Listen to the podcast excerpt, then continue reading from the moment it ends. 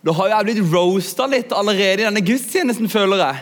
Mitt navn er Olai, og det er jeg som står bak både juicekjøpinga og alt det andre som har gått galt i løpet av dette året. Nei da.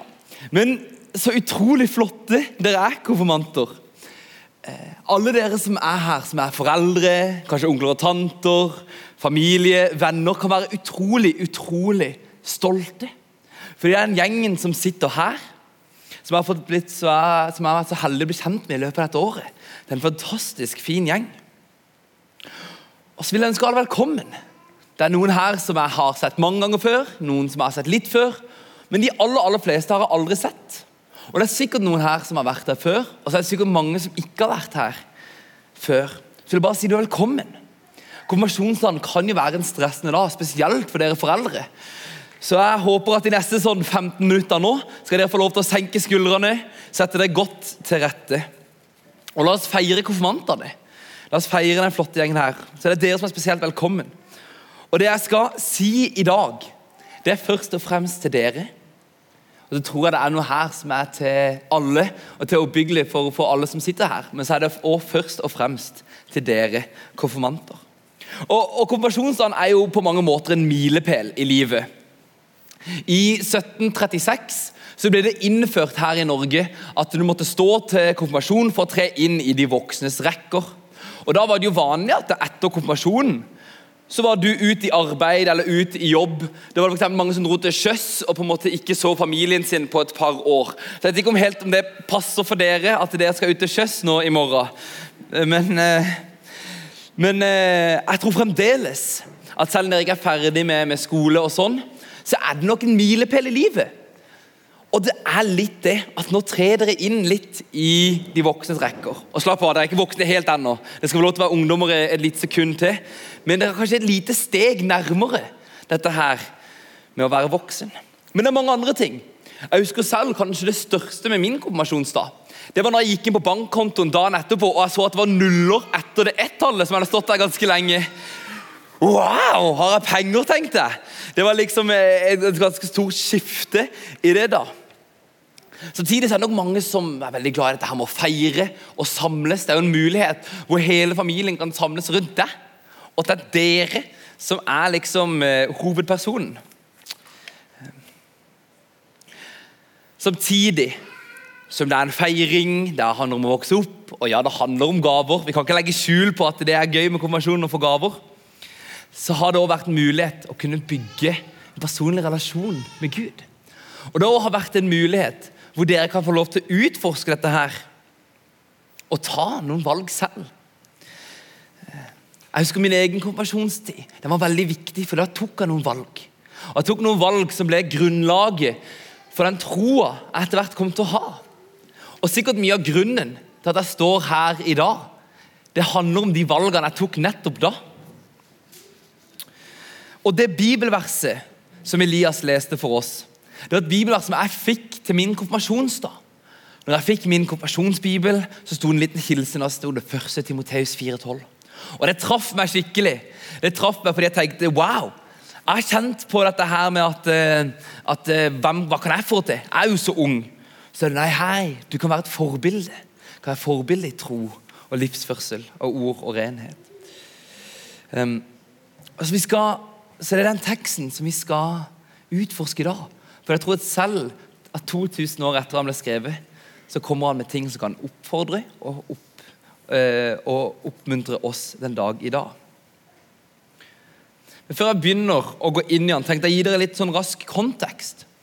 Eh, første Timoteus er jo et brev eller en bok i Nye Testamentet skrevet av Paulus. Og Paulus var en av de første kristne Paulus han møtte aldri Jesus selv, men ganske rett etter Jesu døde oppstandelse så får han et syn hvor han møter Jesus. Og Han har en hel omvendelse i hvem han er.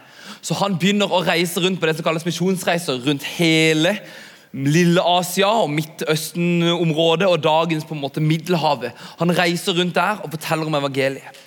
Og På sin andre sånn reise så møter han på denne unge mannen Timoteus, som han ser har et brennende hjerte for Kristus. Han møter han, og de reiser sammen.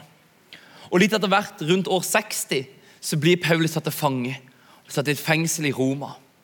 Og for å si det sånn, Fengsel i Roma på år 60 er nok ganske mye verre enn det fengselet er i Norge i 2022. Men han sitter der og så skriver han noen brev til noen kirker og noen folk for å oppmuntre dem, for å oppfordre dem og for å gi dem på sett og vis styrke til å fortsette med det de driver med. På den tida var Timoteus i en kirke i et sted som heter Efesos, eh, der vi får Efeserne-brevet. Og, e, e, og, Efesos det var en kirke hvor det hadde kommet inn det som kalles vranglære. Det hadde kommet inn folk som hadde, som hadde forsynt et annet evangelie, sagt noe annet. Og så er det en oppmuntring som Paulus gir Timoteus og sier, stå i det. Selv om du er ung, så klarer du det. Selv om du er ung, så klarer du det. La meg lese teksten på nytt, og så kan vi be. La ingen forakte deg fordi du er ung, men vær et forbilde for de troende i ord og livsførsel, i kjærlighet, tro og renhet. Herre Jesus, vi takker deg for den teksten. Vi takker deg for at den har betydning for oss den dag i dag.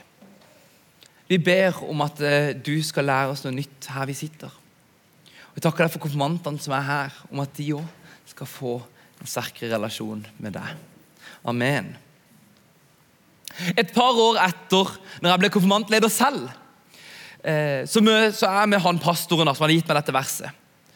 Og så ser jeg at han gir helt samme vers til fire konfirmanter det året. Og jeg skjønner ok, så kanskje var jeg ikke like spesiell da. Var kanskje ikke like håndplukka som han hadde trodd.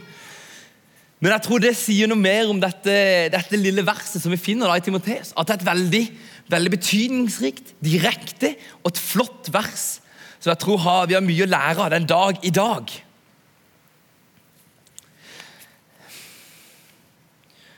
Og sånn det blir, da, det er at jeg tror at Paulus oppfordrer oss og oppmuntrer oss i tre aspekter i ord og livsførsel, kjærligheten og til slutt i troen og renheten. Først skal vi snakke litt om ord og livsførsel. Og livsførsel det er et sånn type ord som mamma pleier å spille i Scrabble. Og jeg tenker mamma, det der er ikke et ekte ord. Og så sier hun jo, det er et ekte ord, og så ender hun opp med 38 poeng og vinner som vanlig. Altså, Det er ikke et helt sånn vanlig ord. Jeg bruker det i hvert fall ikke i dagligtalen. Det kan være at dere som er her i eldre rekker, bruker det mer. Hva det bare vet vel jeg. Men, men livsførsel betyr bare liksom hva vi gjør. Hvordan vi fører våre liv. Det sier seg selv litt. Det ligger, i, det, ligger i, ordet. Og ord, da refererer han til hva vi sier. Hva vi sier, og den betydningen av hva vi sier. Så Paulus her, han oppfordrer Timoteus til å la det være en kort vei mellom hva han sier, og hva man gjør. La det være en kort vei mellom måten du snakker på, hva du tror på, og hvordan du handler ut ifra det. Hvordan du fører ditt eget liv. Og så tror jeg her at vi alle kan anerkjenne, ung, gammel, kristen eller ikke, at vi har møtt folk i våre liv. Folk som har brutt det, og som har såra oss. Jeg tror vi kan alle være enige i at når noen sier de skal gjøre noe, sier at de skal handle på en viss måte, og så gjør de noe annet, så kan det føre til smerte. Det kan være i det små, og dere foreldre som sitter her. Dere har vel alle hørt barn som har lovd at ja, jeg skal rydde rommet, eller ja, jeg skal ta ut oppvaskmaskinen. Og så kommer du tilbake tre timer senere, og så sitter de fortsatt og gamer. Eller så har de ikke i hvert fall gjort det. Jeg tror, jeg, tror, eh, jeg tror, alle dere unge har sikkert opplevd ganger når dere har vært med venner, og de sant, sier ja, ja, ja, vi kan, eh, vi kan gå og henge neste gang. vi kan spille fotball. Og så, så, blir det ikke noe. Eller kanskje det er verre. Kanskje du har folk som sier at de vil invitere deg, og så blir det ikke noe av. Kanskje dere har vært i en relasjon hvor den, den, ene parten har lovd at de kanskje skal slutte med noe. Slutte å drikke så mye eller røyke, og så har det ikke skjedd. Og så har det ført mye smerte. Og så vet vi selv at vi òg har gjort det. Vi har òg sagt ting som vi skal gjøre, som vi ønsker å gjøre. Så har vi ikke levd opp til det.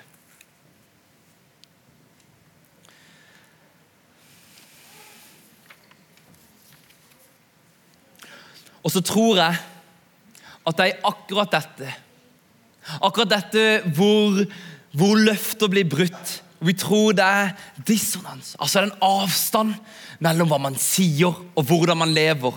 At vi kan komme til Kristus. For Hvis det er én ting som vi tror at Bibelen er tydelig på, så er det at Gud han holder sine løfter. At han er trofast. At hva han sier, det gjør han. Og vi tror at de løfter han har gitt, de har han oppfylt. Det står i Hebreerne 10,23.: La oss holde urokkelige fast ved bekjennelsen av håpet. For han som ga løftet, er trofast. Han som ga løftet, er trofast. Så der vi selv kan kjenne den smerten, hvor mennesker kommer til kort, så kan vi få lov til å komme til en Gud og komme til Bibelen, hvor han er trofast gjennom alt. Jesus sier selv at han er sannheten. På samme måte som Paulus ønsker at Timoteus skal være et forbilde for menigheten i ord og livsførsel, så er Kristus hans og kan være vårt forbilde. Jeg tror Kristus kan utfordre oss til å la det være kort vei med hva vi sier og hva vi gjør. Med at vi holder våre løfter. Men det er lett å si. Men så er spørsmålet hva da? Altså, Det er fint å si at vi burde leve slik som vi, som, etter hva vi sier, men hva burde vi da si? Hva burde vi da si? Og Da kommer vi inn på punkt nummer to, og det handler om dette her med kjærligheten. Det handler om å leve i kjærlighet. Og de fleste av dere, i hvert fall dere som sitter oppe på andre rad her, men også dere ungdommer og konfirmanter, vet jeg har vært forelska eller hatt kjærester. Ikke alle jeg hadde ikke det da jeg var konfirmant, men veldig veldig mange. Og alle kan i hvert fall forestille seg det. Og jeg er akkurat nå så er jeg forlova. wow, takk så! takk. Forlova skal gifte meg i oktober. Så jeg har vært gjennom på en måte mye av dette her. For jeg tror Når man er kjærester, så går man gjennom et par stadier. ikke sant? Først er man venner. Og så etter man har vært venner, så begynner man å, man å holde på og flørte litt. Kanskje gå på date, stevnemøte, som det sikkert heter for de eldre av dere. Så blir man etter hvert kjærester, og så forlova, og så gift. Men så er det litt så sprang mellom det å være kjærester og det å være forlova. Den sprang. Og Da kommer vi inn i det jeg liker å kalle for I love you-fasen av forholdet. I love you-fasen av forholdet. Og det er når den ene uttrykker til den andre ikke sant? 'Jeg elsker deg'. I love you. Ikke sant? I love you. Problemet er bare det at min forloved hun er britisk. Og altså eh, Helt, helt, helt vidunderlig. Men det har seg slik at jeg fikk ikke dette stadiet. Etter vår første date så hadde vi vært på utekino og sett filmen Crazy Rich Asians. Så det hadde vært veldig veldig fint. Og så, eh, og, og, og så har hun glemt jakka si, da. Og så sier hun sånn Hey, darling, do you mind go grab my coat? Ikke sant? Så sier jeg yes, of course. ikke sant? Traller på min vei for å gå og, og få denne her, denne her jakka si. da. Og så sier hun til meg når jeg kommer tilbake oh, I love you so much, dear. tenker jeg, what? Kødder du? Hele denne stadion som jeg gleder meg til. Der var vi der plutselig. Ikke sant? Så hoppa vi på stadion, og så For at jeg skal da forkynne til henne, når jeg skal si henne at jeg elsker henne, så må jeg da bruke en slags flåsete metafor Ikke flåsete, det er feil å si, men vakre metaforer. da. Ikke si sånn, oh, I love you more than the stars of the universe and the everything combined. Ikke sant? Vi måtte gå der for å bare uttrykke dette, her, for å gå på en måte videre fra det stadiet. Um, Paulus hadde ikke dette problemet. Eh, Nye testamentet, som kanskje mange av dere vet, er jo ikke skrevet på norsk, det er skrevet på gresk. Og På gresk så har vi fire forskjellige ord for dette her med kjærlighet. Det er filia, som er en slags vennskapelig kjærlighet. Det er eros, som er sånn erotisk, eller romantisk kjærlighet da, ofte. Du har det som heter storge, og Det handler om den familiekjærligheten. Sånn omsorg og sånn. Den omsorgen som foreldre har for barna sine. Og så har du det som heter agape. Og agape, agape, uansett om du vil uttale det, det er det ordet som står i den teksten som vi har i dag. Og agape det er den kjærligheten som forbindes med Guds kjærlighet. Det er den kjærligheten som Gud gir. Og når Bibelen snakker om Gud som elsker noe, så bruker han dette ordet agape. Og hva er det? Jo, det er ubetinga kjærlighet. Det er kjærligheten som sier at du trenger ikke å oppnå noe, du trenger ikke å gjøre noe. Det er ingenting som du kan prestere for at du fortjener min kjærlighet. Så den er helt ubetinga. Og så tror jeg vi lever i en verden, og i hvert fall blant dere ungdommer Jeg merker det veldig når jeg er på deres alder. At verden måler oss opp med hva vi får til. Ikke sant? Din verdi, hvem du er, det baseres på hva du klarer. Så om du er god på fotballbanen, eller du må være god på skolen, du må være flink på jobben, du må klare alle disse tingene, og så får du verdi. Så liker folk deg. Ikke sant? Og så tror jeg at det løftet som vi får av Gud om kjærlighet, det er at den er ubetinga. Det står i Romerne 5,8, men Gud viser sin kjærlighet til oss ved at Kristus døde for oss mens vi enda var syndere, selv når vi gjør feil. Når vi har drept på draget, når vi har synda, så elsker Han oss. Fordi Guds kjærlighet er ubetinga. Og det er en slik kjærlighet jeg tror Paulus utfordrer Timoteus og kan utfordre oss til å elske andre. Og Det er sikkert mange av dere som har hørt dette her med å elske deres fiender. Og jeg trodde at Når man snakker om å elske sine fiender, så måtte man se bort ifra synden de sin. Se bort ifra det gale de har gjort. Liksom, ah, ok, ja, tusen takk, veldig fint. Lukke øynene til det som er dumt. Men jeg tror at det handler ikke om å se bort ifra det, men på tross av hva man har gjort, så kan man elske det. Så vil det kanskje få noen konsekvenser på denne sida av evigheten. Men den kjærligheten som Gud har, den er for alle. For alle som tror, og som ønsker å få sine synder tilgitt.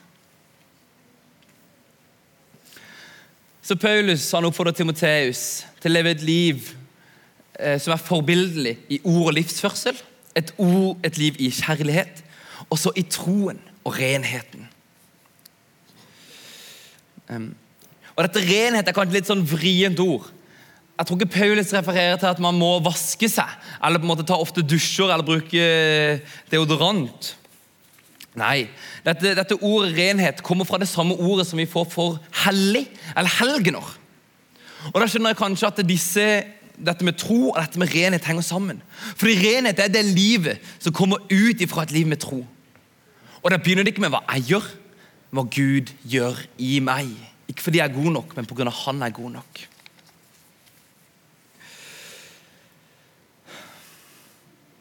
Og troen, hva er det? Jo, det er egentlig oppsummert hva vi har snakka om i dag. Det er troen på at mennesket var syndere og de brøt relasjonen med Gud. Og så sender Gud sin egen sønn for å redde oss. I Johannes 3, 16, også kalt Den lille bibel, så står det For så høyt har Gud elsket verden at han ga sin sønn den ene enebårne, for at hver den som tror på han, ikke skal gå fortapt, men har evig liv. Jeg tror det var troen refererer til. Og nå som dere er ferdig med konfirmasjonstida, nå som dere er ferdig med eh, ferdig utlært. Eh, I hvert fall som konfirmanter. Så er min oppfordring til dere å undersøke. Jeg tror at troen er så sann og så robust at den tåler deres spørsmål. Den tåler deres tvil. Den tåler det dere har å komme med. Og så tror jeg at det er den troa som burde være forbildelig. Ikke tro som gjemmes under en stein, som settes på en måte i skyggen, og som bare dras fram når det er greit. Men den troen som du har og lever ut. Så jeg vil oppfordre dere til det. Og så tror jeg at renheten, dette hellige livet, det begynner ikke med hva vi gjør, men det begynner med troa. Jeg tror det kommer som et produkt av det.